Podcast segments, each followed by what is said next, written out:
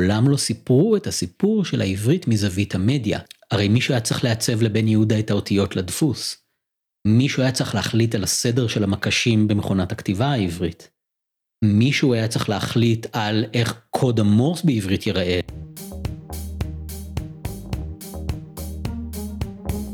המצב הפוסט-אנושי, פודקאסט על טכנולוגיה, תרבות ורוח, עם דוקטור כרמל וייסמן.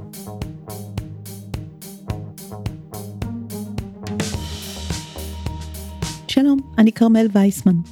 בפרק שעבר דיברנו בין השאר על הרעיון שהשפה היא בעצם מדיום תקשורתי.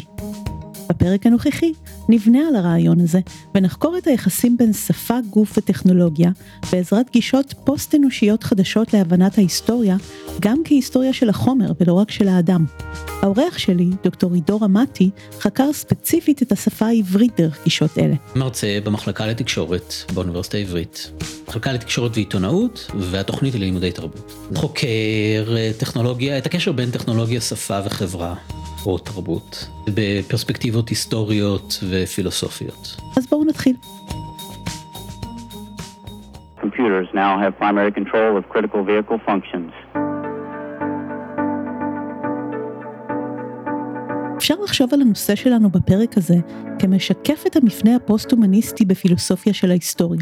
ההיסטוריה היא הרי הסיפור של האדם וההתעלות שלו מעל החומר, אז לחומר עצמו לא הייתה היסטוריה, עד שהפילוסוף ברונו לטור למשל התחיל לדבר על זה שצריכה להיות.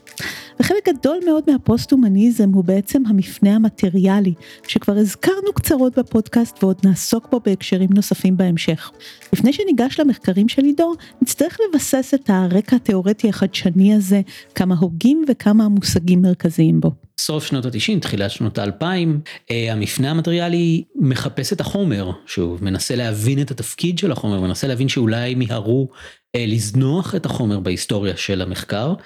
אה, ולהתמקד בטקסטים אם אנחנו מכירים את המפנה הטקסטואלי והסמיוטי של המחצית השנייה של המאה ה-20 והפוסט סטרוקטורליזם המפנה המטריאלי בעצם מסית איזשהו זרקור לכל מה שנשכח בנגיד חקר הספרות זה יכול להיות אה, פתאום להסתכל על אה, היבטים אחרים של הספר לכשעצמו ואולי בתור חוקרי מדיה אנחנו כבר נגיד אז לחשוב עליו בתור מדיום.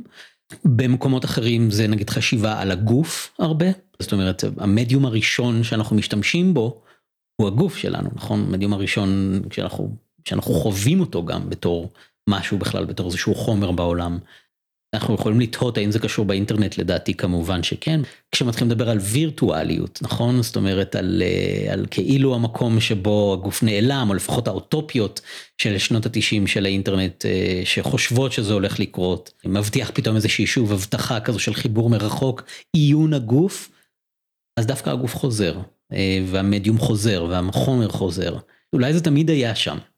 ותמיד זה משולב ותמיד זה חלק וזה תמיד מעניין המתחים האלה מאוד מאוד מעניינים בעיניי הרבה יותר מאשר זה רק הטקסט או זה רק הקונטקסט או זה רק הגוף או זה רק המדיום אלא המכלול שבין שבין הדברים שם נמצא העניין שלי.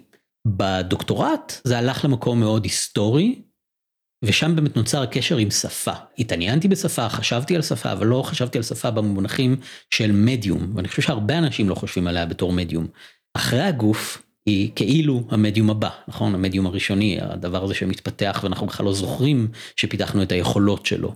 וכל הגילומים של השפה, בין אם זה דיבור, בין אם זה כתיבה, בין אם זה ציור, כן, שפה במובן הרחב. הם שוב ושוב עוד הוספה של איזושהי אבן לגו כזאת, או שוב הוספה של איזשהו גורם שמערבב ומסדר מחדש את מערך הכוחות. אז בעצם אפשר להגיד שבמרכז זה תמיד המדיום, עכשיו את כל זה חשבתי ולא ידעתי שאחרים כבר מנסחים בעודי חושב אותם, כן? זאת אומרת מראשית שנות 2000 עולה בפילוסופיה הקונטיננטלית, בייחוד בגרמניה, היום אוהבים לקרוא לזה ואוהבים להתנגד לקריאה לזה גם German Media Studies. הלימודים הגרמניים בעצם מתבססים הרבה על הפילוסופיה הקונטיננטלית, על הרבה על החשיבה על הגוף, על טכניקות של הגוף, יכולים ללכת אחורה אפילו עד מרקס. אה, והמחשבות שלו על הקשר בין מכונה ואדם וגוף ושפה. בייחוד עולה שם אדם אחד מאוד מאוד מפורסם וזה פרידריך קיטלר שבעצם בשנת 99 מוציא את הספר היותר קריא שלו גרמופון פילם טייפרייטר שבעצם היה קצת מודל בסיס שלפיו בניתי את הדוקטורט שלי. פרידריך קיטלר הוא הפילוסוף הכי חשוב כיום שהוא לא מספיק מוכר. כשלימדתי אותו בפעם הראשונה לפני עשור בכיתת תואר שני, היה סטודנט שחשב שאני מתבדחת כי קיטלר היה אז מם אינטרנטי כזה עם חתול עם שפם של היטלר. שלא נדבר על זה ששמו המלא של הפילוסוף הוא פרידריך אדולף קיטלר. אם אני צריך אבל באמת רגע בתור איזה תרגיל מחשבתי לנסות אה, לדחוס את קיטלר למשפט אחד אפשר להגיד שהוא מציג את רעיון המדיום למחקר שלקח את השפה ואת הטקסט כמובן מאליו בחקר התרבות וכשאני אומר מחקר אני מתכוון בעיקר לז'ק לקאן בעיקר למישל פוקו בחקר אה, הטקסטים בחקר המדיה בכלל כאילו לקחו את השפה כמובנת מאליה ובא קיטלר ואומר אבל בעצם זה עוד מדיום. אנחנו צריכים להבין את כוחות השיח. הנה פוקו נכנס פנימה. לא כאפריורית קשורים בטקסט וטקסטואליות שזה מה שבעצם פוקו עושה נכון? פוקו הולך וחוקר טקסטים היסטוריים כדי להבין איך כוחות השיח אה, מתעצבים בתקופות שונות. קיטלר אומר לכל רגע היסטורי יש את המדיום אפריורי שלו. כלומר את המדיה שבאמצעותם ההיסטוריה נכתבת נעשית ולכן גם שבאמצעותם ההיסטוריה זמינה לנו להבנה אם אנחנו מסתכלים באופן רטרוספקטיבי. ולכן תמיד אנחנו עוברים דרך מדיה, גם אם המדיום הזה הוא שפה. אנחנו לא יכולים שלא לחוות את העולם באופן מתווך. אז אם לקאן מדבר על הסימבולי, המדומיין והממשי, ערבבתי קצת את הסדר אבל לא נורא, גם אלה בעצם סדרים שבנויים על בסיס השפה, אבל השפה היא כבר מדיום בפני עצמו, זאת אומרת שבעצם קיטלר אומר, מוסיף את הזווית של המדיום בעצם לכל חקר התרבות. הוא אומר בואו לא נשכח שכל דבר כזה גם אפשר לראות מה המדיום שמאפשר, התנאים שהמדיום יוצר, התנאים שהמדיום מאפשר, הרגולציה שהמדיה אה, יוצרים לא במובן של אה, רגולציית תקשורת שאנחנו חושבים עליה היום שזה אחד הסוגים של זה אלא במובן של כמו שסתומים או כמו פילטרים שנותנים לחלק מהדברים לעבור לחלק מהדברים לא משנים את הדברים שעוברים דרכם. זאת אומרת המציאות תמיד עוברת דרך מדיה ככה אנחנו חווים את העולם והנה כמובן כן ברגע שאמרתי מדיום אפריורי ומדיה קובעים ומדיה מעצבים ומדיה יוצרים אה, מגיעה ביקורת שאומרת וגם ביקורת שהייתה כמובן על קיטלר אבל זה דטרמיניזם טכנולוגי. וצריך לזכור שא', אף אחד מעולם לא ראה את עצמו כדטרמיניסט טכנולוגי. זאת אומרת זה תמיד איזשהו לייבל שמטיחים על, אה, על אנשים אחרים בדרך כלל כדי להשתיק אותם.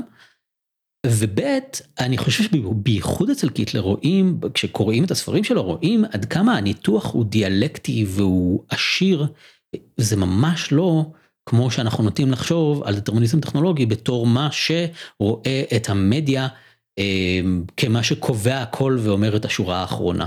מרשל מקלוהן בעצם מזוהה עם הלייבל הזה של דטרמיניזם טכנולוגי, אבל מי שבאמת קוראים אותו רואים שהוא לא ממש דטרמיניסט בשום מובן. קיטלר קיצוני ממנו מכל בחינה ביחסו למדיה. הוא ממש אפילו כותב שמקלוהן לא הלך מספיק רחוק בעיניו. אם מקלואן ביקש להבין את המדיה, קיטלר חושב שאי אפשר להבין את המדיה, כי אין מה להבין פה. צריך רק להבין איך הם שינו את האופן בו אנחנו מבינים את העולם, בעצם הופעתם. הרי מה שנשאר מאיתנו זה רק מה שמדיה מסוגלים לאחסן ולתקשר. אנחנו תמיד אומרים שאת ההיסטוריה כותבים המנצחים כי אנחנו מתייחסים לתוכן אבל המדיה הם המנצחים אצל קיטלר הם בעצם קובעים מה זו היסטוריה. טכנולוגיות מעצבות את האפשרויות שלנו להופיע כבני אדם ולא להפך. בני האדם הם השלוחות של המדיה ולא להפך כמו שאמר מקלואן. הזיכרון שלנו הוא זיכרון מדיה נכון מה ש... קיים מחוץ לגוף שלנו לא כן זיכרון שלי לא מסתכם רק בי אלא גם בכל הידע התרבותי שנצבר אני יכול לקרוא בכתבי אה, אריסטו ואפלטון אה, כי הידע הזה שם בזכות מדיה בזכות מדיום שקוראים לו כתב ומדיה שקוראים להם ספרים. אה, אז המדיה משמרים את המשך הארוך הזה ובו בעת הם מאפשרים לי לתהות על אוקיי אז הרגע התרבותי עכשיו שאני חי אותו. בכל אופן במה חדש כאן? בכל אופן מה שונה כאן? מה הוא מייצר? אולי הוא מחזיר אותי לשלבים מאוד מאוד מוקדמים בהיסטוריה האנושית. אולי הוא יוצר משהו חדש לחלוטין. נדיר שזה משהו שהוא חדש לחלוטין. בדרך כלל זה איזשהו טוויק זה איזשהו משהו שהוא מעניין דווקא בגלל שהוא קטן והוא נקודתי והוא יכול מאוד להשפיע על החיים שלנו ועל איך שאנחנו חווים את המציאות. פשוט הסוגיות שאנחנו מתעסקים איתן העסיקו את בני אדם מאז ומעולם אני חושב. וכל דור וכל תקופה נותנים את התשובה שלהם לשאלה. גם גם מקלואן נכון דיבר על זה שאנחנו מתקדמים קדימה תוך כדי שאנחנו מסתכלים במראה האחורית. אנחנו תמיד ביחסים מאוד מאוד מעניינים בין העבר וה, והעתיד. וזו גם כן כמובן שאלה של מדיה. זה כבר ממש מעצבן שאני אומר את זה כל הזמן אבל אבל ככה באמת אני חווה את המציאות. את החיים. לגמרי לגמרי המדיום הוא המסר בהחלט. אבל לא במובן הוולגרי של הביטוי הזה. אבל במובן העמוק של אם אתה רוצה להבין את המציאות לך תחקור תתחכה אחר המדיה באופן הכי דקדקני והכי אה, מודע למדיותו, לתיווכו. אבל בואו נחזור לקיטלר. בספר קצת פחות קריא של קיטלר, הספר הראשון שלו שמתפרסם אה, באנגלית בראשית שנות התשעים, הוא מדבר על מדיה דיסקורסס, כלומר התנאים של המדיה, כן, התנאים של המדיה של 1800 והתנאים של המדיה של 1900 ואחר כך באו תל, תלמידיו והמשיכו או ממשיכי דרכו למרות שהוא מעולם לא דיבר על זה, תנאי המדיה של, של שנות האלפיים, כן, של השיח של שנות האלפיים. זה הקולנוע והטלגרף, וכן למרות שהטלגרף הומצא קודם והקולנוע הומצא קודם והצילום הומצא קודם, אבל זה בעצם כל המדיה שעוקפים את הדרך הרגילה שהיינו נוטים לחשוב עליה בתור מדיה, זאת אומרת נגיד נוצה ודיו או עיפרון או עט. כלומר כל המדיה שמתפתחים ברבע האחרון או במחצית השנייה של המאה ה-19 יוצרים את התנאים של 1900 ויוצרים את המאה ה-20, נותנים את הבסיס למאה ה-20. 1800 אלה מדיה בעיקר של דיבור וכתיבה ותפיסת האדם האורייני של הנאורות. וכשהוא מדבר על מה שיוצר את הרגע הזה, הוא לא מדבר רק על גורם אחד, כן, עלייתו של מדיום X יצר את התנאים לתופעה Y, אלא הוא מראה ממש מכלול שלם של שינויים בהתנהגות, של שינויים בתפיסות טעם הטוב, של שינויים בחינוך, של שינויים במחקר, נגיד אודות אה, אה, סאונד, כן, מה צריך לחקור, וכל אלה מביאים לנקודה מסוימת, לאיזושהי נקודת רתיחה, שבתוכה, בתהליך הזה גם מתפתחים המדיה. כלומר טכנולוגיות ספציפיות. אז אה, נגיד הגרמופון והפונוגרף הרי לא היו תוצרים של אה, האורקה כזה, כן, בוקר אחד אדיסון קם או ברלינר קם ומחליט ליצור משהו, אלא היה תהליך מאוד מאוד ארוך של משא ומתן בין כוחות שונים, כלכליים, פוליטיים, אגו-מניאקים, כן, זאת אומרת ממש אה, המון המון דברים, ש... או תפיסות נגיד כמו שג'ונתן סטרן מראה בספר שלו, The Audible Past, איך אה, הוויקטוריאנים היו אובססיביים לשימור. אז זה בא לידי ביטוי בזה שהמציאו את השימורים, ובא לידי ביטוי זה שהמציאו חומרים לשימור גופות, אה, ובא לידי ביטוי זה שהמציאו אה, טכנולוגיות לשימור סאונד. אבל בגדול קיטלר מראה דברים דומים, כן, כוחות שונים שמביאים לאיזשהו אה, אה, רגע. רשתות שיח הן רשתות של טכנולוגיות ומוסדות שמאפשרות לתרבות מסוימת לשמור, לברור ולייצר דאטה רלוונטי. אחת הדוגמאות הראשונות שלו בספר היא שפת אם.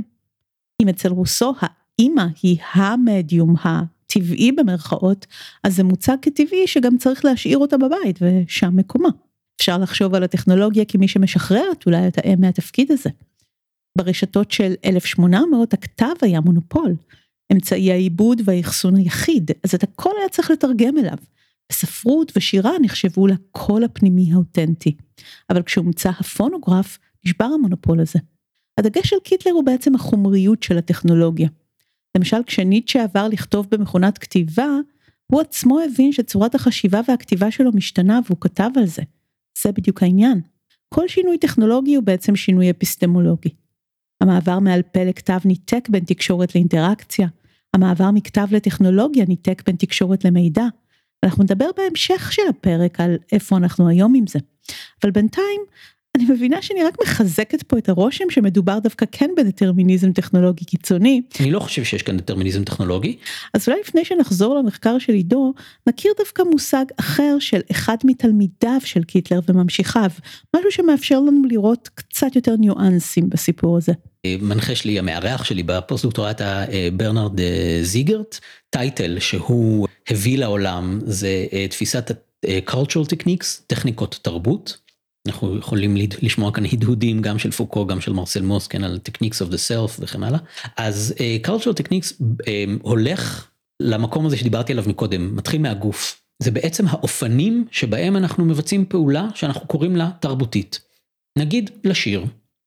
עכשיו כשאני שר, אני יכול להיכנס לאולפן אקוסטי ששמור טוב טוב, מגרש רעשים שאני תופס אותם כלא רצויים החוצה, ואני יכול לעשות מניפולציות עם בום בוקס, ואני יכול לעשות אוטו טיון שישנה את הקול שלי, אבל אני יכול גם לשיר עם, לנגן עם גיטרה אקוסטית, או לתופף על אבן, או אפילו על בית החזה.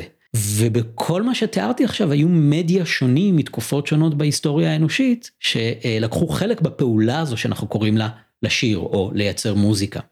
זיגרט אומר, הטכניקה היא קודמת לתפיסה התיאורטית שלנו את הדבר. כלומר, לפני שאני תופס מהי מוזיקה, אני יודע לעשות קולות ולתופף על הגוף שלי, או לייצר את הדברים בעולם בצורה מסוימת. ניקח את זה רגע לדוגמה אחרת, קצת אולי יותר אנליטית. קודם אני יודע לספור על האצבעות, על הגוף, את מספר הכבשים שיש לי בדיר, או מה שזה לא יהיה, ורק אחר כך אני חושב איך לעשות מניפולציות מתמטיות כמו חיבור חיסור, ורק לבסוף בסוף אני מתחיל לקרוא לזה מתמטיקה, ולפתח סביב זה תיאוריות שלמות. הטכניקה קיימת לפני הקונספט, אבל כל פעם שנכנס מדיום חדש ומשנה את מארג הכוחות בין הגופים השונים, בין הכוחות, בין האחראים השונים על הטכניקה התרבותית, הטכניקה התרבותית משתנה. התפיסה הזו של cultural techniques מאפשרת קצת יותר ממה שקיטלר אה, אפשר במרחב של המדיום, כי היא מראש כוללת בתוכה את כל ההבדלים התרבותיים בין מקומות שונים.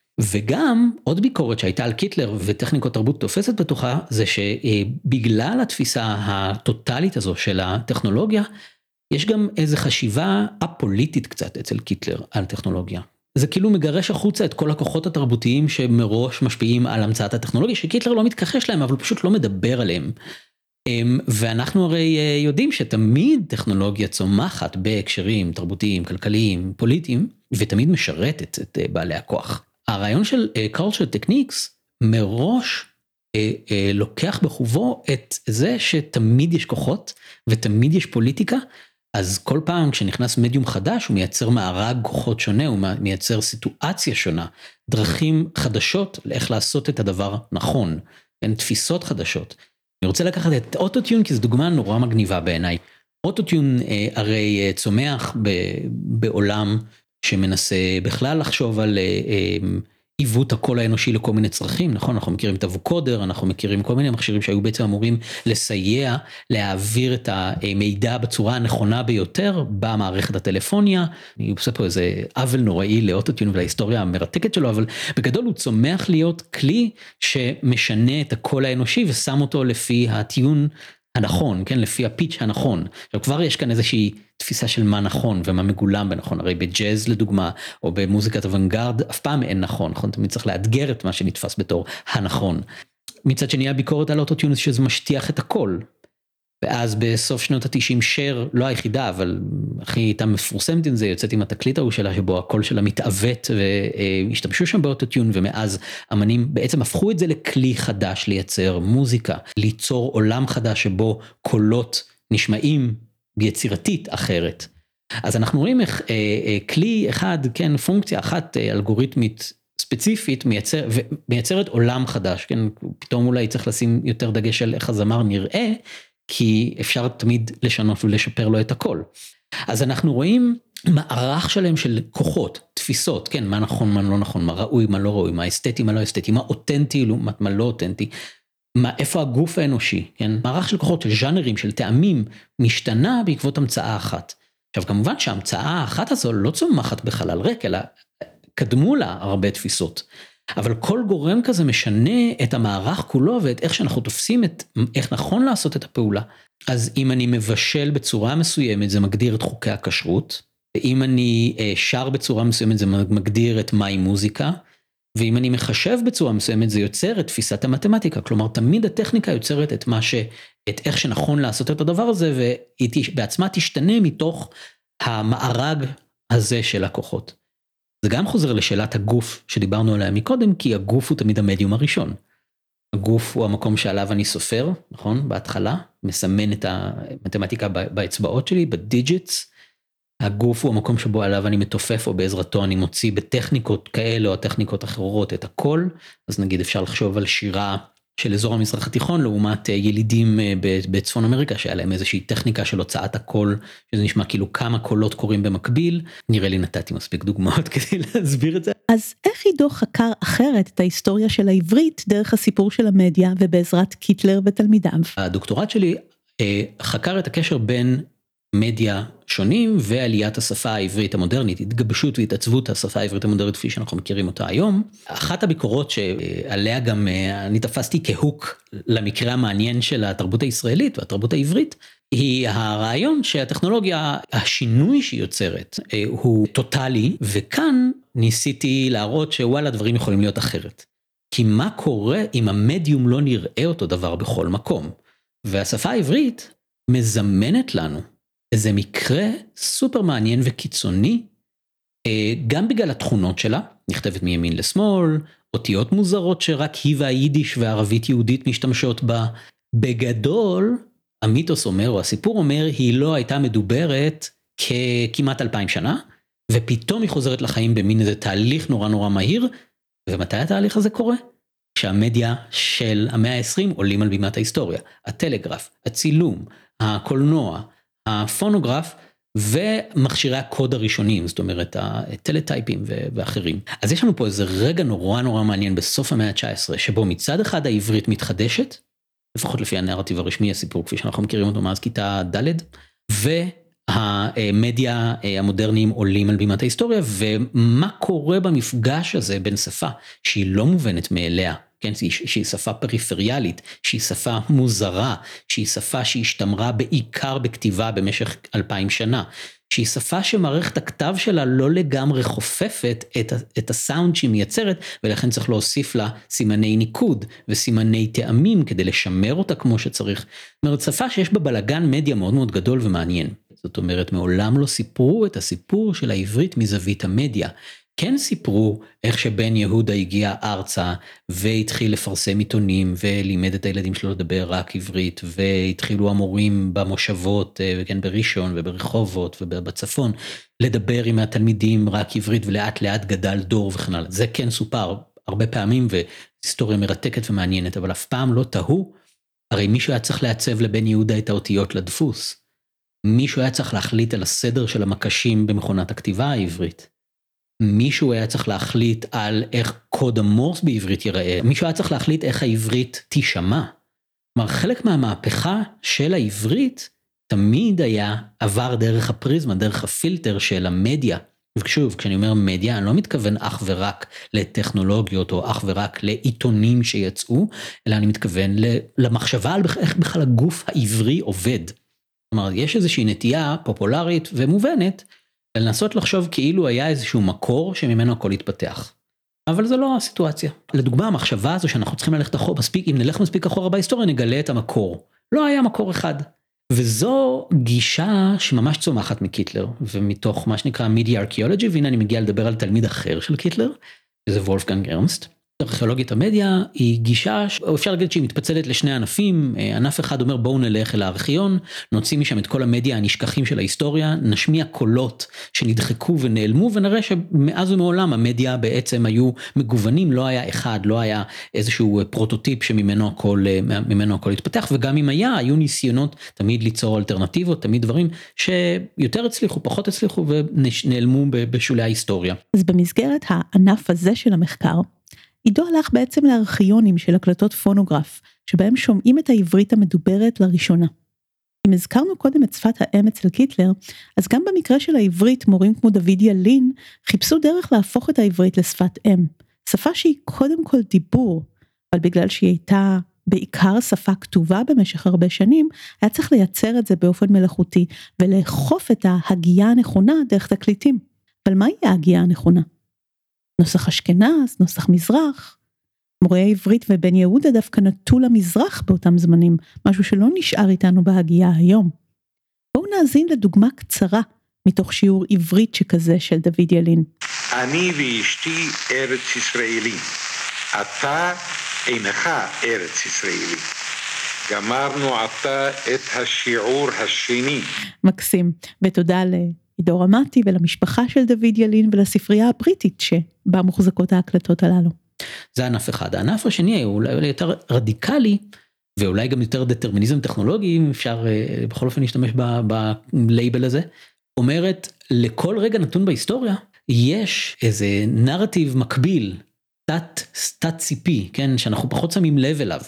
שהוא מתקדם בקצב שלו והוא עושה את הדברים שלו והוא הנרטיב של המכונות. כן, אנחנו היום מדברים על זה שיש מכונות שמדברות אחת עם השנייה, כן, יש את ההקלטה המפורסמת של אה, הבוט של גוגל שמתקשר אחרי הקורונה לאיזושהי מסעדה ויש שם בוט שעונה אה, בתור המארחת והם מדברים ביניהם בזמן שהם בכלל לא צריכים לדבר ביניהם בשפה אנושית, הם יכולים לדבר ביניהם ב-0 ו-1, נכון? בפולסים חשמליים. זה בדיוק מה שאולי דוגמה שמבטאת את מה שארנס מדבר עליו על, על פני השטח אנחנו רואים מדיה שמדברים אחד עם השני בשפה אנושית בעצם מתחת לפני השטח הם מדברים ביניהם בשפה שלהם ולמכונות יש את הסיפור שלהן ויש את התהליך שעובר עליהן ואת ההיסטוריה שלהן ואולי בעצם הרעיון לנרטיב הוא כבר איזושהי כמיהה אנושית למשמעות ולסיפור שארנס מתנגד לו. אבל אנחנו צריכים איכשהו להבין את מה שקורה שם אז אנחנו מספרים לעצמנו סיפורים אנחנו מתארים לקוחות פוליטיקות ארנסט אומר עצם זה אנחנו כבר כופים פרספקטיבה שהיא פרספקטיבה אנושית על המכונות. עידו ניסה לספר את סיפורה של העברית דרך מכונות הכתב ומכונות הקוד. הרווחנו כאן לדעתי איזשהו אה, סיפור שלא כל כך סופר בעבר על מכונת הכתיבה העברית ועל ההיסטוריה של מכונת הכתיבה העברית. כשהלכתי לארכיון והסתכלתי על למעלה מ-50 מכונות כתיבה שקדמו לשנות החמישים, כלומר המחצית הראשונה של המאה ה-20, אחת אפילו מסוף המאה ה-19, אז לא הייתה מכונת כתיבה עברית ראשונה אחת, היו כמה. לדוגמה הראשונה שאני מצאתי היא מ-1898, אה, מכונה שהיה לה בעצם שתי מקלדות, אחת בכתב עברי רגיל, אחת בכתב עברי, מה שאנחנו היינו קוראים רש"י, אה, קורסיבי של אה, יהדות אשכנז. היא שימשה התכתבות אה, בין אה, הכהן הגדול אה, של השומרונים ובין חוקר ורב ממנצ'סטר, רבי משה גסטר, שגם היה אחד הסגנים של הרצל, אם אפשר לקרוא לו ככה. בכיר בציונות ולא קרה כלום עם המכונה הזו זאת אומרת לא המשיכו אחר כך אנחנו לא משתמשים היום במקלדת שהיא מקלדת כפולה אנחנו יכולים אבל אנחנו לא. המכונות הללו אה, לא נראו כמו שאנחנו חושבים שהן נראו. לדוגמה יש מכונת כתיבה שאם הייתי מראה לך אותה בכלל לא היית בטוחה שהיא נראית כמו מכונת כתיבה, אה, ששימשה את האצ"ל, אה, המזכירה של האצ"ל, הייתה מין משהו נורא נורא קומפקטי, מאוד קטן, מאוד קל לנסיעה, אפשר להחביא אותו בקלות בתוך קופסה, בתוך ארון. אפשר להבין למה המחתרות, למה זה קרץ להם. המכונה הזו יוצרה אה, בגרמניה. ובקלות אפשר היה להחליף לה אה, את הפלטה של האותיות שבעצם בעזרתה היו מסמנים. היה לזה בסך הכל שלושה מקשים, אה, שהיו מזיזים את המקש ולוחצים, אז היה מסמן את האות על הנייר. אה, עכשיו אין פה מקלדת, אבל בכל אופן מישהו היה צריך לקבוע את הסדר של האותיות, נכון? אין פה אה, מקשים שנתקעים אחד בשני כמו שאוהבים תמיד להגיד שזה שטות מוחלטת. גם בהיסטוריה של קוורטי כן של מכונת הכתיבה הרגילה אנחנו יודעים היום שזה מיתוס ולא משהו שהוא אה, נכון אף אחד לא עשה מעולם מבחן סטטיסטי על האותיות של מכונת הכתיבה גם לא על המקלדת של קוורטי ואפשר להוכיח את זה די בקלות. אה, E ו-R שתי אותיות שמאוד חוזרות בשפה העברית בשפה האנגלית אה, ובכלל בשפות לטיניות בתור R או בתור re. אה, נמצאות אחת ליד השנייה אז הרעיון הזה שהם אסור שאותיות שחוזרות על עצמן יהיו אחת ליד השנייה הוא לא נכון. זה לא שהייתה איזושהי מקלדת אחת שממנה כל המקלדות התחילו, אלא כל הזמן היה איזשהו ניסוי וטעייה. אז איזה תובנות יש לנו מהזווית שאנחנו מסתכלים על המדיה במקום לספר עוד פעם את הסיפור של בן יהודה וחמדה אשתו ואיתמר בן אבי, אנחנו מקבלים סיפור שהוא סיפור אלטרנטיבי ואולי מעלה את השאלה האם חידוש העברית באמת מתחיל ב-1882 כשבן יהודה עולה ארצה שזה אחד הרגעים שבהם נוטים אה, להתייחס להיסטוריה של העברית המודרנית. או אולי שאנחנו צריכים לחשוב בכלל על התחלה של העברית בתור הרגע שבו בדפוס, כן 400 שנה קודם לכן, הם מתחילים לייצר את הפונטים הראשונים את הגופנים הראשונים לעברית ואז פתאום מתחילים לשאול שאלות על אה, כמה אותיות צריך בשביל י' וכמה אותיות צריך בשביל א', פתאום יש חשיבה סטטיסטית על עברית? עוד לא, אבל אולי ניצנים ראשונים.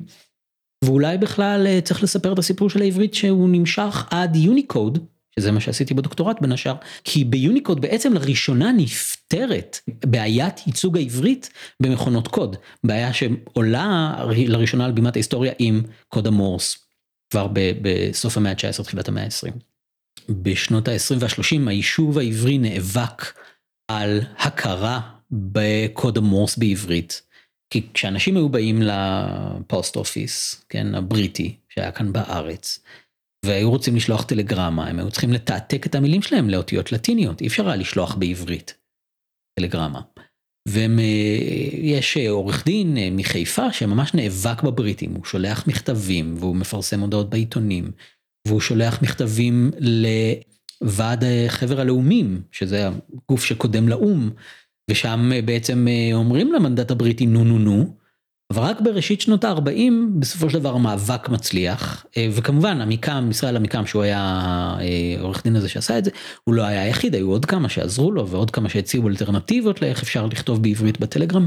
בראשית שנות ה-40 הם מצליחים אה, אה, סוף סוף לשכנע את הבריטים לעשות את זה אבל זה בדיוק הרגע שבו מגיעים מכשירים חדשים הטלטייפ והטלפרינטר ומה שיפה זה שהבריטים מחליטים לא להכניס ראש בריא למיטה חולה ואומרים אוקיי הגיעו טכנולוגיות חדשות ישר נעברת אותן. בעצם ה-teletype וה-teleprinter היו מכשירים שהיו עושים Morse code באופן אוטומטי.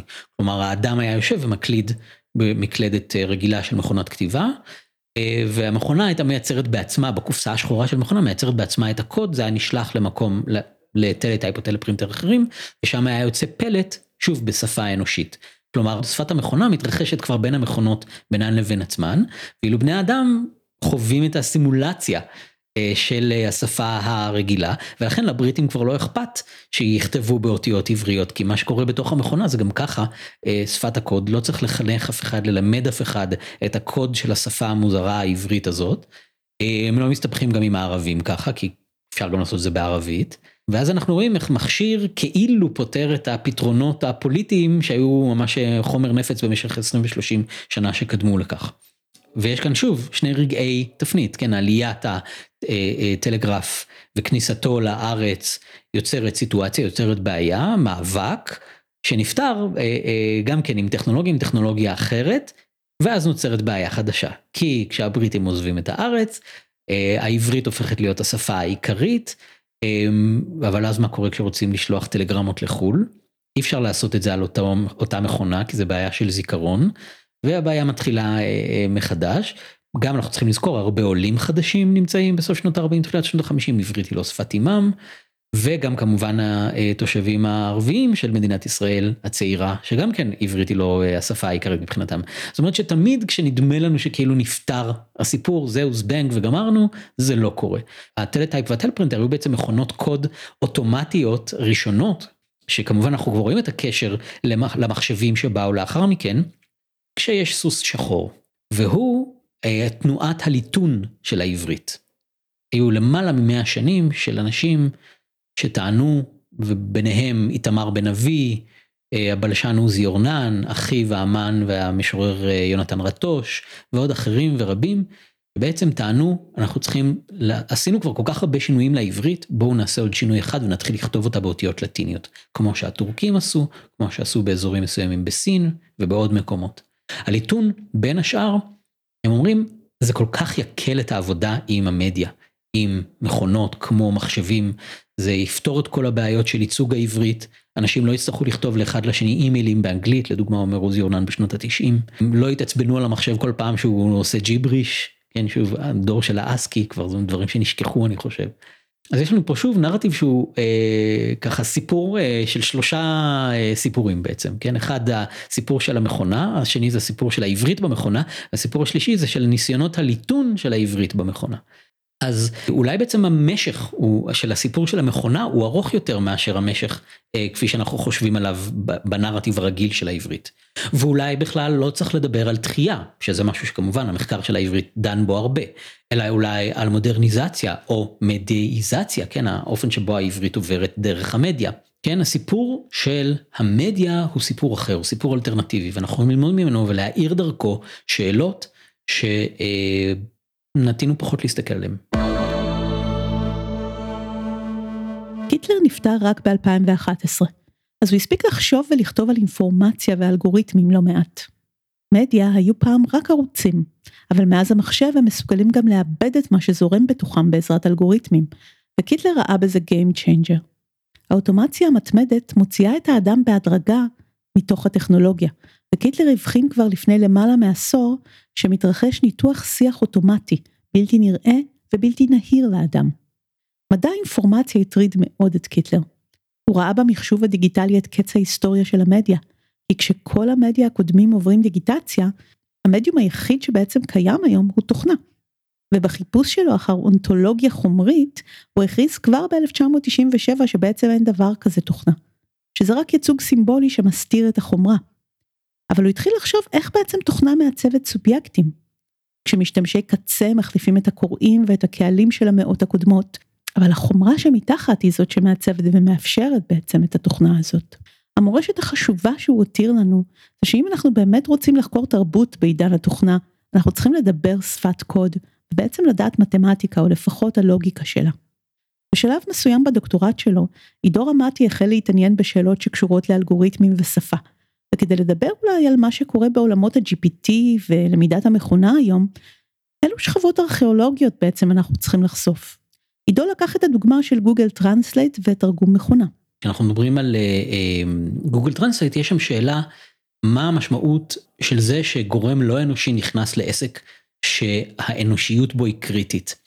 וכשאנחנו חושבים על תרגום בעצם תרגום קטגוריה שהולכת איתנו עד אה, למיתוסים המוקדמים ביותר אה, של האנושות וכמובן מיתוס אה, סיפור מגדל בבל הוא אחד כזה. והמתרגם בתור מי שנמצא בין שתי תרבויות והתרגום בתור מה שאמור ללכת כל הזמן בין שתי תרבויות ושהוא תמיד כושל. כי אף פעם אני לא יכול לתרגם באופן מושלם. אז מה קורה כשפתאום מגיע הגורם הזה שאנחנו נוטים לייחס לו יכולות מושלמות, אובייקטיביות אה, לתוך הסיפור. וזה קורה בסוף שנות ה-40 עם תחום של תרגום מכונה. בעצם הלכנו אמרנו אוקיי אז יש לנו גוגל טרנסלייט אבל מה הביא אותנו לגוגל טרנסלייט יש לי כן רגע, רגע נתון בהיסטוריה ואני רוצה להבין איך הגעתי אליו. תפיסת מידיה ארכיאולוגי קצת כובלת אותי. כי מידיה ארכיאולוגי בדרך כלל מתמקדת ברגע אחד נתון בהיסטוריה, איך הוא מפץ גדול, איך הוא קרע בהיסטוריה, איך מה שהיה לפניו ומה שהיה אחריו לא נראים אותו דבר, ולכן היא גם מרשה לעצמה להיות קצת א-פוליטית, במובן הצר של המילה, או להיות א-לוקאלית, כן, לנסות לשאוף לאיזה סוג של אוניברסליות. באה מידיה ג'יניאולוגי וכאן אנחנו מדברים להבדלים בין פוקו המוקדם ופוקו המאוחר או יישומים של פוקו המוקדם שמדבר על ארכיאולוגיה של הידע, לפוקו המאוחר שמדבר על גנאולוגיה של הידע, והתפיסה הגנאולוגית אומרת, נכון, יש קרעים בזמן, או הזמן הוא לא נרטיב אחד רצ... רציף, כפי שהיינו אולי רוצים לתפוס, לחשוב, אלא אה, יש רגעים, רגעי תפנית. אבל כדי להבין את רגעי התפנית האלה, אני חייבת לזוז בין, בין הרגעים האלה ולתאר את מה שקורה ביניהם. אז אני מתמקדת בתור חוקרת או בתור חוקר ברגעים, ברגעי התפנית, אבל גם מתארים את מה שקורה ביניהם, את איך מערכי כוחות משפיעים על אותם רגעי, רגעי תפנית ורגעי מעבר. ובעיניי זו באמת אה, אחת הפרספקטיבות היותר אה, שלמות קצת למחקר היסטורי שעדיין מסרב להיות רק אנושי, אלא גם להיות, גם לחשוב על המכונה ולחשוב על האדם והמכונה והיחסים ביניהם בתור אה, רשת, קצת תפיסה לטוריאנית כזאת, כן, של Actor Network Theory. אנחנו ביקשנו אה, להראות את הסיפור של עליית המכונה לתוך התחום, או השתלבות המכונה בתוך התחום, שהביאה אותנו לאיפה שאנחנו נמצאים היום.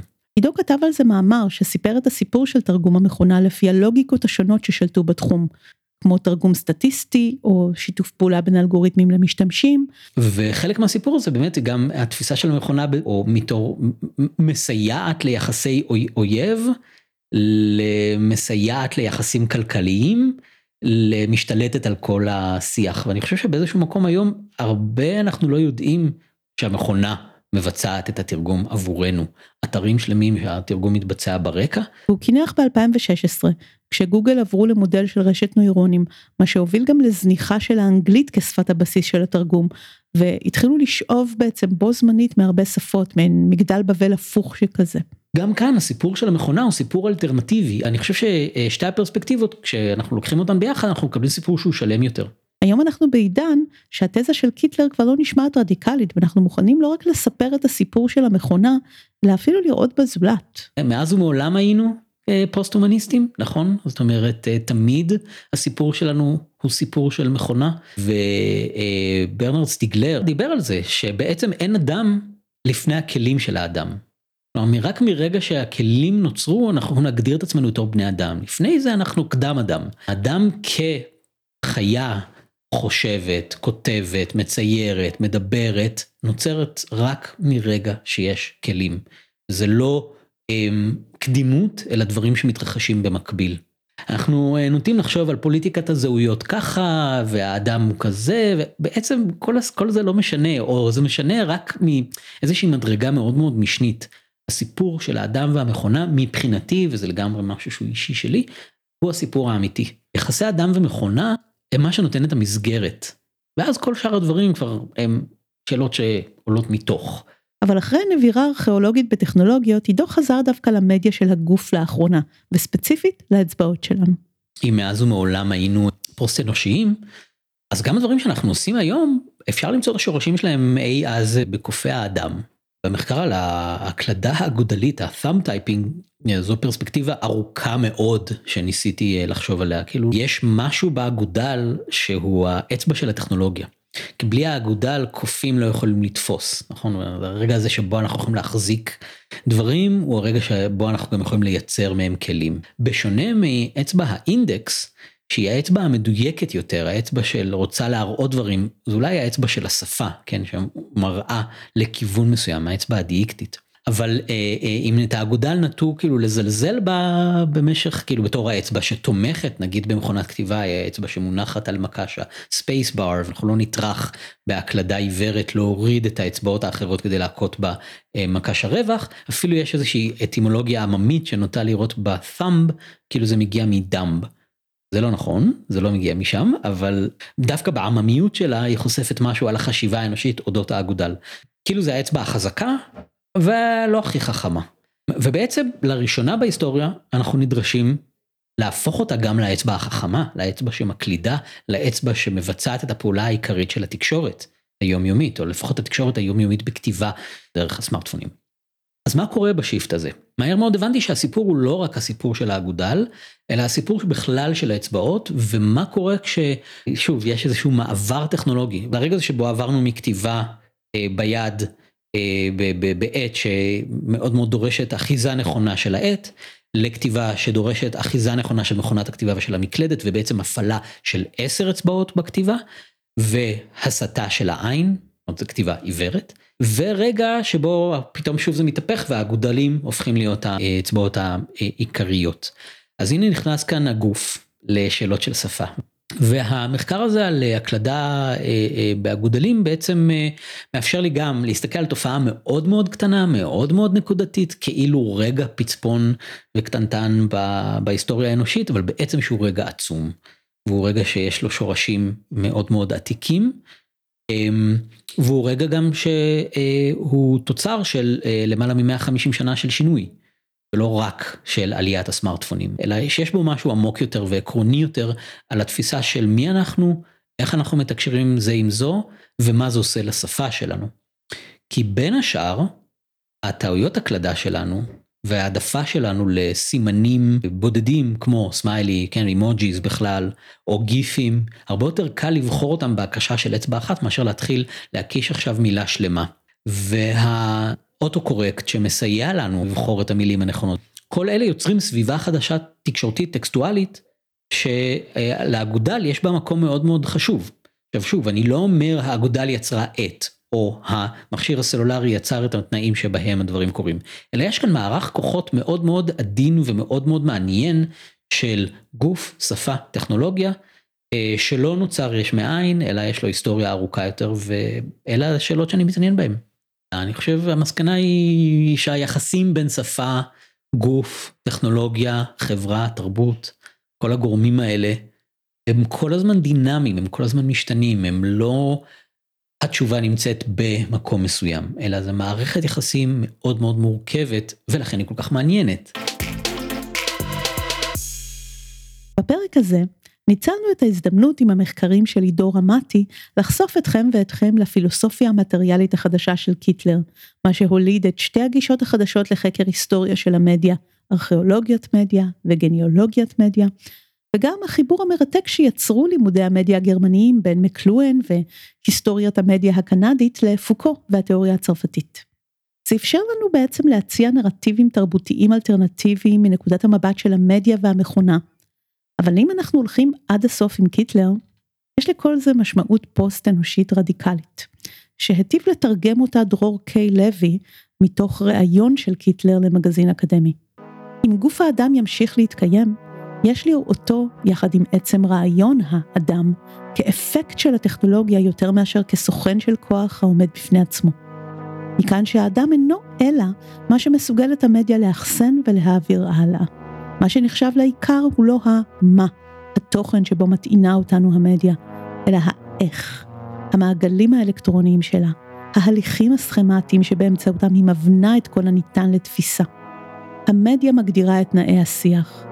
היא מכונת כתיבה המשתמשת בסובייקט כדי לחרות את עצמה. עלינו לחדול מראיית הכוח כפונקציה של מה שמכונה החברה, ולנסות להבנות את הסוציולוגיה מן הארכיטקטורה של השבב. עד כאן להפעם.